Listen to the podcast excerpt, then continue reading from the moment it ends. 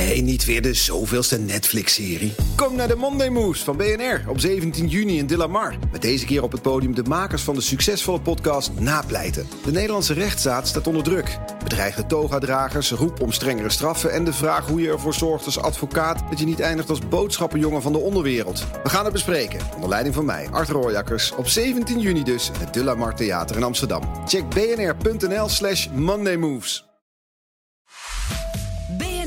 Nieuwsradio. BNR Werkverkenners. Deze week in het nieuws. Er is een schreeuwend tekort aan leraren. En minister Bussemaker en staatssecretaris Dekker willen nu speciale omscholingscursussen opstarten voor mensen in andere beroepsgroepen die leraar willen worden. En daarom in BNR Werkverkenners deze week de vraag: hoe maak je eigenlijk een succesvolle carrière switch? BNR Werkverkenners. Met Rens de Jong. Direct naar mijn eerste gast en dat is. Uh, ik ben Rob Witjes, ik ben uh, hoofd arbeidsmarktinformatie uh, bij het UWV. En dat is hij al acht jaar, maar daarvoor had Rob heel wat baantjes. Ik werk nu zo'n 32 jaar en ik heb eigenlijk elf verschillende banen gehad. En soms al twee tegelijk. Ja, het is bizar eigenlijk. Ja, dat is inderdaad flink, maar is hij zelf zoveel gewisseld? Of omdat zijn baas zei, pak jij je biezen maar? Nee, ik was continu bezig met de vraag van, vind ik dit nog leuk? kan ik het nog leuker maken voor mezelf?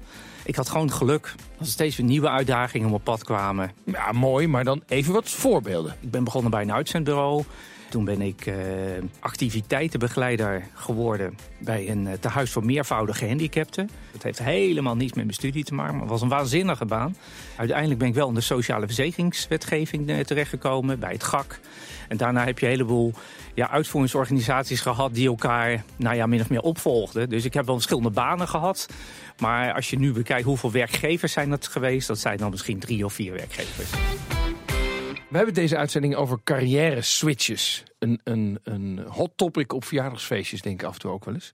Carrière switches zijn dat je echt radicaal iets anders gaat doen erop. Ja, als je echt spreekt over een carrière switch, dan ga je echt iets anders. Ga je niet alleen van uh, verkoopmedewerker naar filiaalhouder.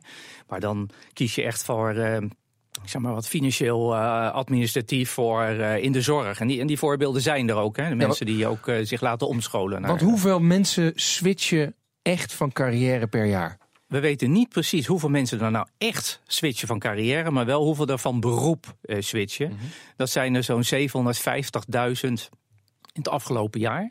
Maar dat, dat is ook die verkoopmedewerker die ja, manager wordt. Ja, het is wel zo dat als je kijkt naar die 750.000 mensen die van beroep wisselen, dan doen 45% dat bij de eigen werkgever. Mm. En 55% gaat echt ergens anders werken bij een andere werkgever. Ja. En die kans is groot dat die mensen echt met een carrière switch bezig ja, zijn. maar dat hoeft nog niet, hè? Dat hoeft niet. Zijn werknemers er genoeg mee bezig met zo'n carrière switch? Of zouden ze ermee bezig moeten zijn? Nou, ik denk zelf dat daar relatief gezien heel weinig mensen echt bezig zijn met een rigoureuze carrière switch. Uh, ik, even op. Ja? Ik geloof dat niet. Ik, als ik, maar goed, ligt misschien aan mijn verjaardagsfeestjes. Als ik vraag wat zou je ooit nog eens willen zijn, hè, dan hoor je ik zou graag, uh, weet ik veel, ik wil nog eens een keertje een kiosk openen of ik wil ooit nog eens een keertje in de zorg werken. Of ik wil nog eens een keertje uh, leraar worden, roep ik altijd. Ik wil toch nog eens een keertje leraar ja, worden. Nou, wilde ik ook voor. Nee, maar, ja, weet je wel? Maar dat, ben ik er dan actief mee bezig? Nee, maar ik heb wel een idee. God, ik zou wel iets anders willen. Bij UWV zien we heel vaak mensen die werkloos worden. En dan vanuit die werkloosheid een volgende stap willen zetten. En mm -hmm. dan zie je dus een aantal mensen die ook heel snel uh, toch wel weer een baan vinden. waarvan ze zeggen: ja, oké, okay, dat is niet mijn droombaan. Maar je ziet wel een aantal mensen die ja, het klinkt een beetje raar om te zeggen. Zo'n periode van werkloosheid ineens nodig hebben om uh, toch zo'n rigoureuze stap te zetten. Ja, ja dus, dus het ontslag en de werkloosheid als een soort reset-button. Ja, gedwongen. En, ja. Ja, en het begint eigenlijk op het moment dat ze te horen hebben gekregen in het kader van een reorganisatie bijvoorbeeld van ja, jij bent de klos. Uh, en dan krijg je een soort outplacement. Maar eigenlijk de fase daarvoor dat er weinig, weinig aan de hand is.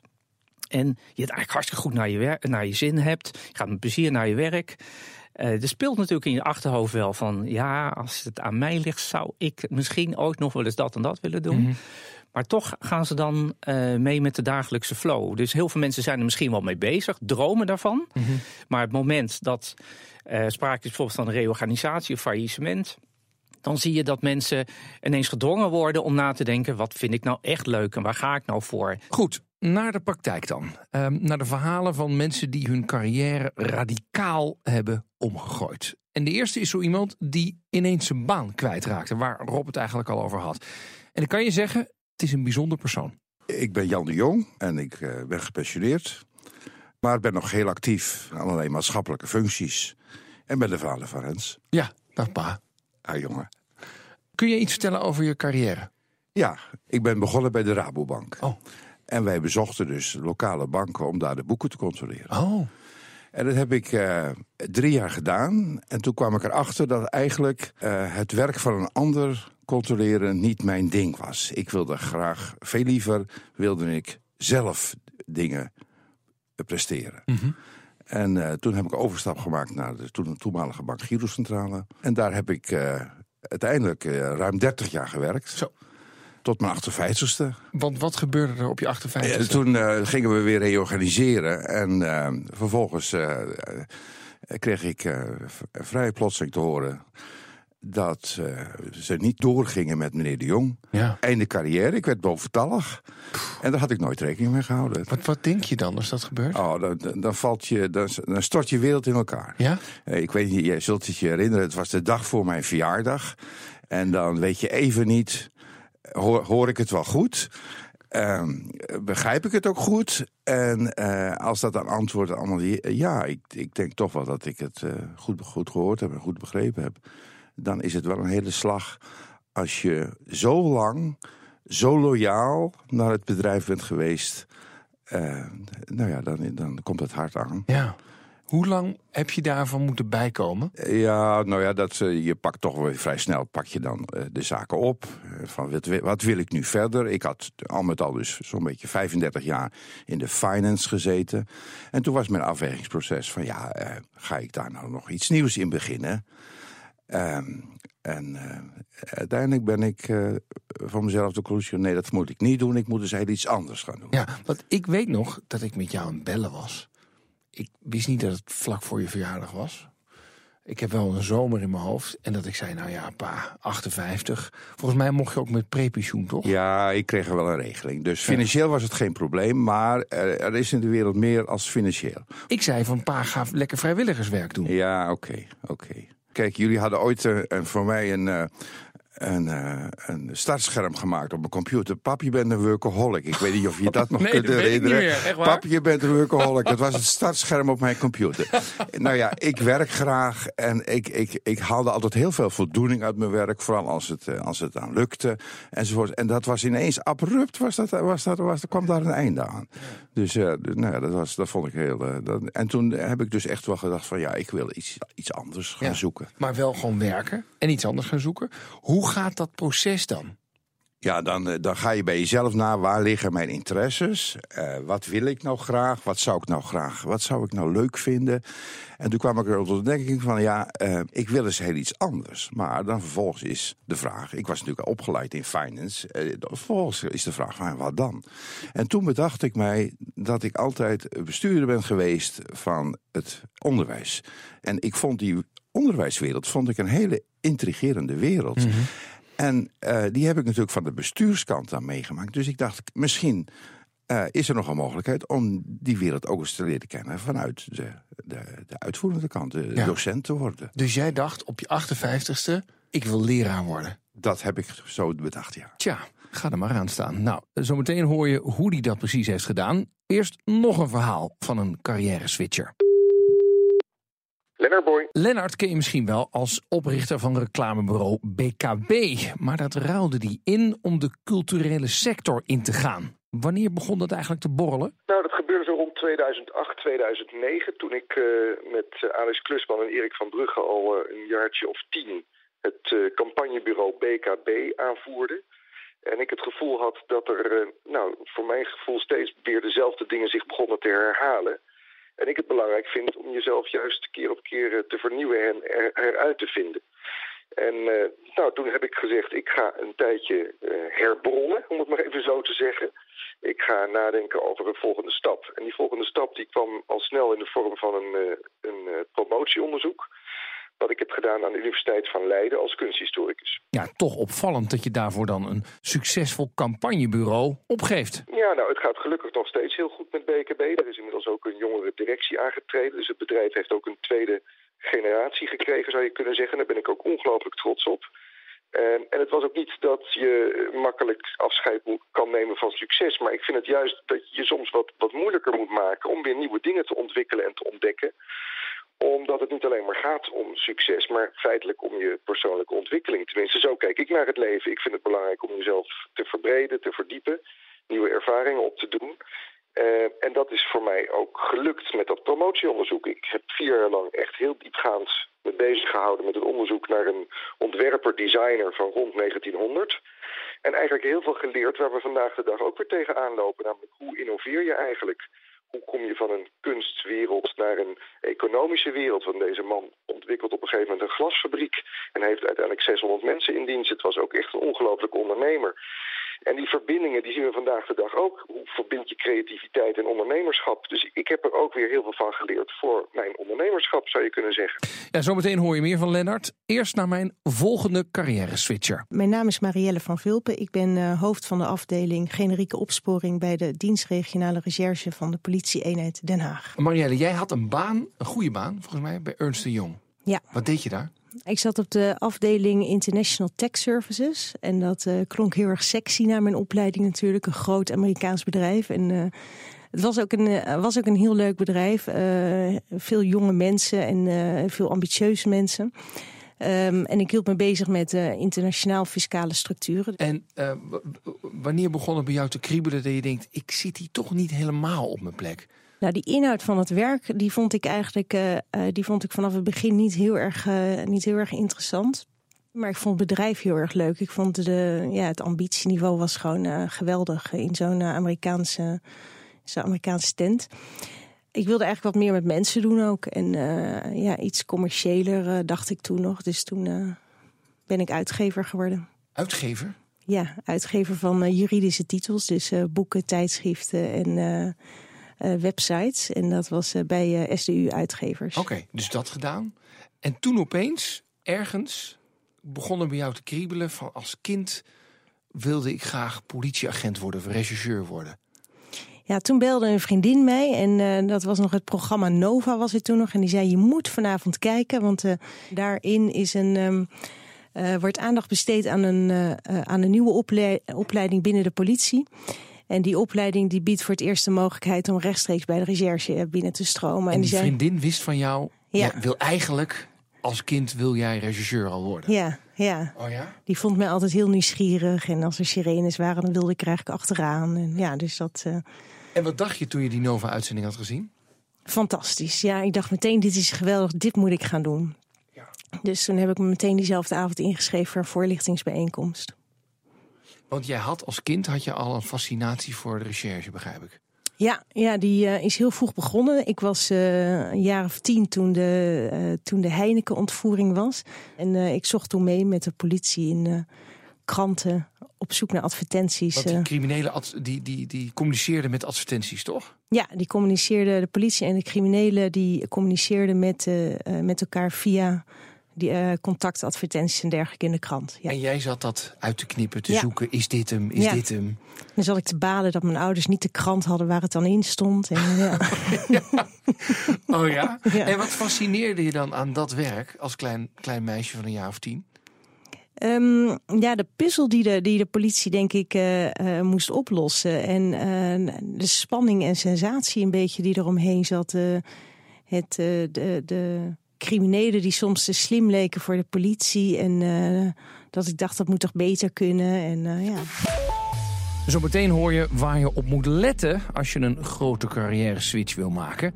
En je hoort hoe mijn vader probeerde op zijn 58ste leraar te worden. En op al die advertenties die, die, waarvan ik dacht, dat, dat is een beetje bereikbaar, heb ik er gesolliciteerd. Hoeveel zijn het er geweest? Ja, wel een stuk of 60, 70. BNR Nieuwsradio. BNR Werkverkenners.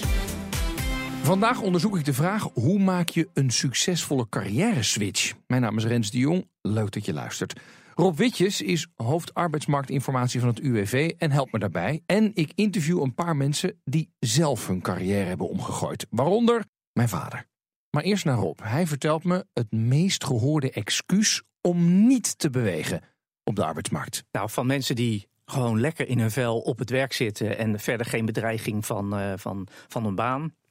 Die zeggen gewoon, joh, ik ga met veel plezier naar mijn werk. Ik heb het allemaal prima. Uh, dus, Hebben uh, misschien wel een, een, een, sluimerend verlangen, maar denken, nou ja, het zal. Ja, en vaak zit het hem ook in uh, financiën. Hè. Stel dat ik nou, en dat zie je nu zeker met die flexibilisering. Hè. Stel dat ik nu mijn baan opzeg en ik solliciteer op iets heel anders. Ja, zo'n werkgever die zegt, ik heb nog geen ervaring. Je hebt nog geen ervaring erin. Uh, dus het zou heel goed kunnen zijn dat je dan weer een tijdelijk dienstverband. Dat is voor een aantal mensen ook best wel lastig. Zijn het onterechte argumenten? Ik kan me aan de ene kant voorstellen dat het terechte argumenten zijn. Terwijl je aan de andere kant denkt van, als je dit nou echt wil, uh, dan schakel je heel veel van die elementen gewoon uit. Andere elementen die je moet hebben, wil je een succesvolle carrière switch maken vanuit het werknemersperspectief. Nou ja, de, je hebt, je hebt de, de, de passie die je, die je sowieso hebt, maar ook uh, ben ik bereid om geld en tijd te investeren in mijn nieuwe, ja, in mijn nieuwe carrière in feite. Je moet ook naar je omgeving kijken. Je zal waarschijnlijk moeten, moeten, moeten studeren, we moeten een opleiding moeten volgen. Uh, onderzoek doen van ja, als ik nou een ander beroep uh, neem en ik, ik vind dit leuk, maar is daar wel werk in? Mm-hmm moet ik voor mezelf beginnen. dus het, het, goed onderzoek doen, dat is denk ik wel een uh, hele belangrijke. En, uh, en ga ook advies vragen als je ja, twijfelt over bepaalde carrière stappen. Maar het belangrijkste is denk ik dat als je echt een carrière switch wil, en dan komt het uit je hart. En uh, ja, dan ga je ervoor en dan komen die andere zaken wel vanzelf. Komt het vaak uit hobby's voort? Je komt heel vaak uit hobby's voort.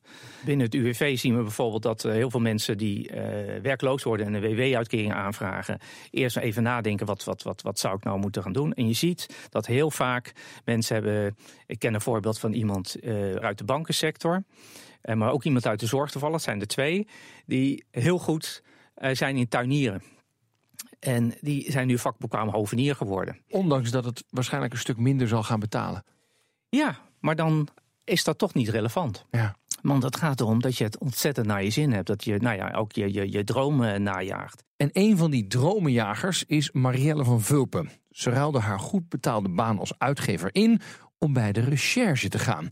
Dat klinkt allemaal makkelijk, maar in het begin heeft ze best getwijfeld. Ja, nou, ik had het heel erg uh, naar mijn zin als uitgever. En ik uh, uh, zat daar ook in een leuk traject. En dus dat is wel een keuze om dan, uh, om dan naar de overheid te gaan. En dan nog eens meer naar de politie, waar, waarvan je zeker weet dat je financieel erop achteruit gaat. Um, dus dat was wel even een moment dat ik uh, heb gedacht van, uh, is dit wel wat ik wil? Ja. Heb je veel moeten opgeven? Nou, op dat moment uh, zijn ze me nog redelijk tegemoet gekomen. Maar eigenlijk zit het er met name in, in alle jaren daarna. Is dat je gewoon uh, ja, of stilstaat of zo weinig stijgt dat het bijna lachwekkend is. Ja, ja. ja. Soms dan denk ik wel eens van ja, de, de maatschappelijke verantwoordelijkheid die ik heb, die staat niet in verhouding tot het salaris. Ja, uh, ja. ja. maar dat is niet. Uh, voert niet de boventoon. Oké, okay. beschrijf de gedachten die je hebt in het eerste jaar. Want dan opeens, je hebt de keuze gemaakt, de opleiding is gedaan. Ik denk dat je als agent ook eerst op straat moet, hè? Ja, klopt. Ja. Heb je, moest je enorm wennen? Want hoe oud was je toen? Uh, toen was ik 34. Oké, okay. ja. heb je enorm moeten wennen? Of wat? wat? Um, ja, ik vond het eigenlijk vanaf het begin echt geweldig. Dus uh, ik vond eigenlijk alles, uh, alles bijzonder en ik keek, ik keek mijn ogen uit. En dus het werk, de inhoud van het werk, die, dat, dat vond ik echt fantastisch. de cultuur, daar, daar, ja, daar moest ik wel aan wennen. En ook het bureaucratische dat, van de overheid. Dat, dat was wel eventjes schakelen, ja. ja. En um, jij uh, gaat de straat op als agent, wordt dan rechercheur. En nu? Waar, waar, waartoe ben je uitgegroeid? Ik ben nu uh, uh, hoofd van, uh, van een afdeling van de generieke opsporing in Den Haag. Ik hou me bezig met georganiseerde criminaliteit, met terrorisme en met, met moordzaken. En, en je stuurt ook groepen mensen aan. Hoeveel mensen zijn dat geworden? Dat zijn 240 mensen ongeveer behoorlijke club. Ja, dat is een behoorlijke club. Ja. Ja. Als je terugkijkt op die, op die switch die je hebt gemaakt, wat denk je dan? Qua, qua inhoud van het werk is het, eh, eh, ga ik het nooit, eh, nooit leuker meer treffen dan, eh, dan wat ik nu doe. Dus dat, eh, eh, daar heb ik echt nooit spijt van gehad. Eh, en eh, ja, ik kan eigenlijk alleen maar mensen adviseren. Ga, doen, eh, en eh, ga doen wat je leuk vindt en volg je hart. Je bent zo vreselijk veel tijd kwijt met werken. En dat eh, is wel belangrijk dat je dat leuk vindt. En dat is uiteindelijk belangrijker dan, dan angsten zoals, zoals geld. Ja. Ja, dat is waar. Maar het is wel makkelijker als je het wel hebt. Dat was voor Leonard Boy bijvoorbeeld minder een probleem. Hij verruilde zijn campagnebureau BKB in voor een doctoraat als kunsthistoricus. Hij werd curator van het Stedelijk Museum in Amsterdam, nu directeur van het Amsterdam Light Festival. Dus toch maar die vraag aan Lennart gesteld. Is het makkelijker als je geld hebt? Eh, nou, dat is zeker de basis geweest. Ik heb er overigens wel altijd dingen naast gedaan. Dagvoorzitterschap, eh, advieswerk heb ik ook gedurende dat promotieonderzoek gedaan. Omdat ik het ook belangrijk vond om mijn netwerk te onderhouden. En om ook toch bezig te blijven houden met de maatschappij om me heen. En het genereerde toch ook een basisinkomen waardoor je een onderzoek als dit kan blijven doen.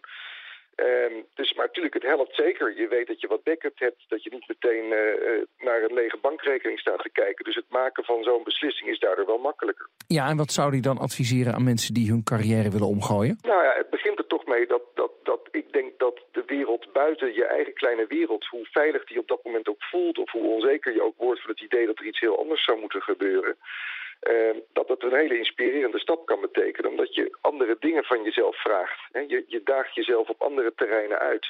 En ik realiseer me heel goed dat het niet aan iedereen eh, is voorbehouden. Want wat je al zegt, er zijn natuurlijk risico's aan verbonden. Je moet het je financieel kunnen veroorloven. Maar als mens betekent het gewoon een verbreding van, van wie je bent. En je ontwikkeling als persoon is denk ik uiteindelijk ook goed voor het werk wat je doet. Even nog terug naar Rob Witjes. U weet wel, hoofd arbeidsmarktinformatie van het UWV. Ik wil het namelijk even over die werkgeverskant hebben. Want die moeten zo'n switch natuurlijk wel omarmen. In zijn algemeenheid eh, kan je zeggen dat werkgevers er wel open voor staan. Maar of ze het echt stimuleren dat iemand een nieuwe carrière tegemoet gaat. Dus echt een carrière switch.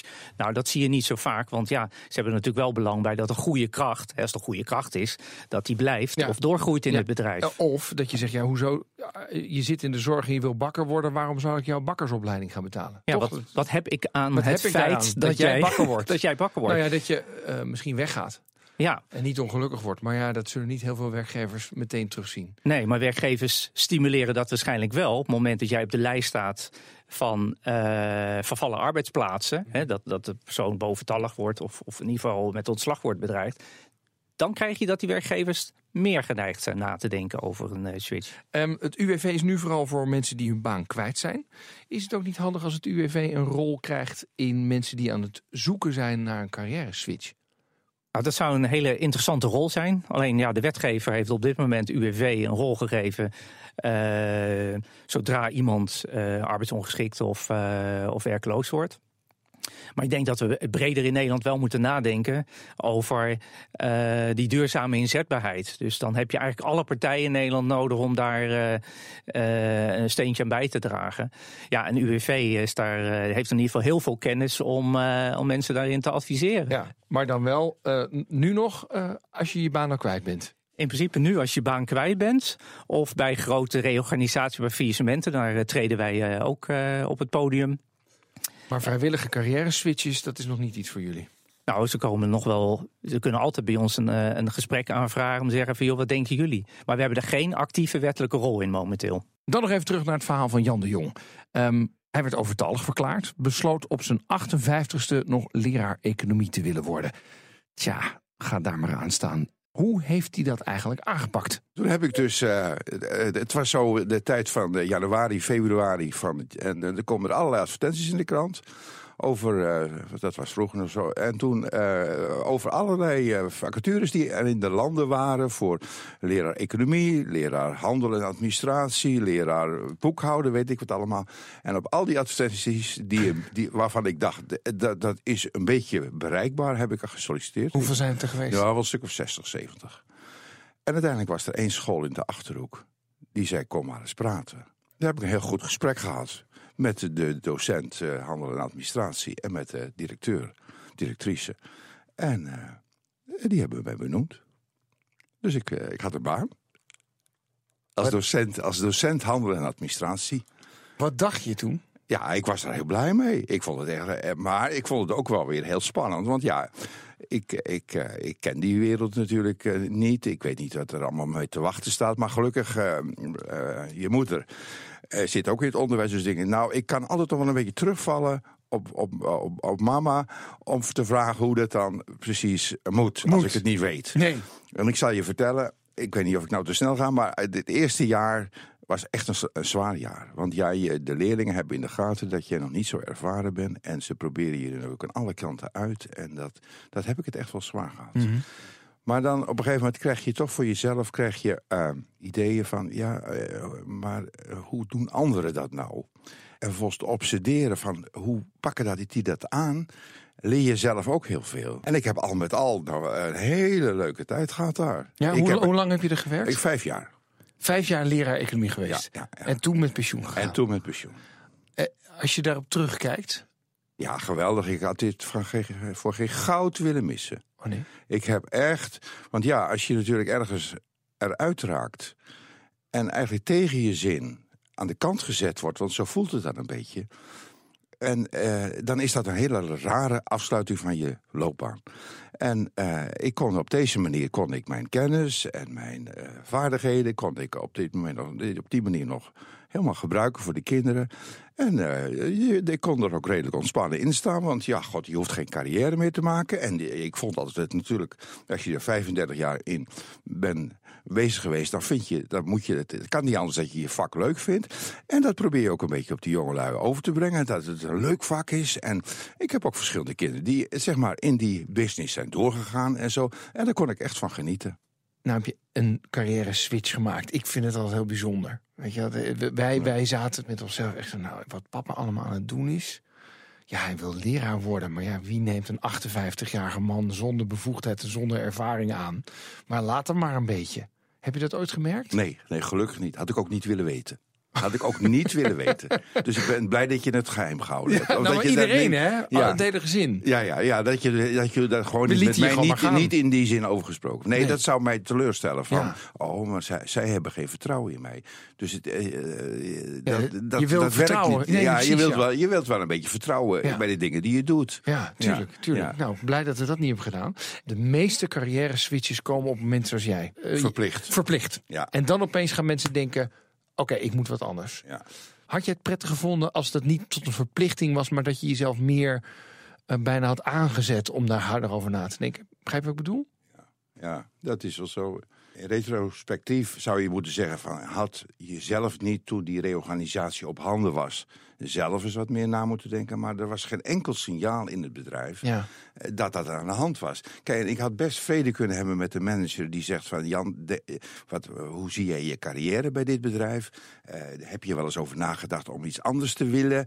En dan had ik echt wel een, een zetje in de rug gehad om na te denken. Ja. Maar omdat dat dus, in, uh, en ik denk dus achteraf ten onrechte niet gebeurd is... want het, dit had echt moeten gebeuren. Je Hm. kunt niet maar zomaar iemand van de een op het andere moment zeggen... van ja, het is afgelopen met je. Dat kan niet. Dat is onfatsoenlijk personeelsbeleid. Uh, uh, kijk, en als dat nou gezegd wordt, had ik zelf wel wat meer initiatief genomen. Ja. En nu ben ik eigenlijk, door het, feit- er is mij een dreun toegediend.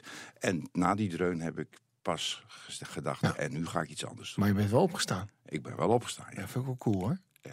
Ja, Oké. dankjewel pa. Oké. BNR Werkverkenners. De conclusie. Vandaag onderzocht ik de vraag hoe je een succesvolle carrière switch maakt. Nou, conclusie 1. Allereerst is het goed om er tijdens een baan over na te denken. De kans dat je weg moet bij jouw werk is altijd aanwezig en dan is het vaak een beetje te laat. 2. Bedenk wat jouw hobby's en passies zijn. Vaak vinden mensen namelijk op basis daarvan een droombaan. En 3. Bedenk, ook al moet je er lang voor studeren of solliciteren, echte passie voor een vak wordt herkend. De aanhouder wint. Volgende week zoek ik voor je uit hoe je onmisbaar kunt worden op je werk of voor een opdrachtgever. Wil je meer van deze uitzending weten? Kijk dan even naar onze LinkedIn-pagina BNR Werkverkenners of de podcast via de BNR-app. Tot volgende keer. Ook Bas van Werven vind je in de BNR-app. Ja, je kunt live naar mij en Iwan luisteren tijdens de ochtendspits. Je krijgt een melding van Breaking News. En niet alleen onze podcast Ochtendnieuws, maar alle BNR-podcasts vind je in de app. Download nu de gratis BNR-app en blijf scherp.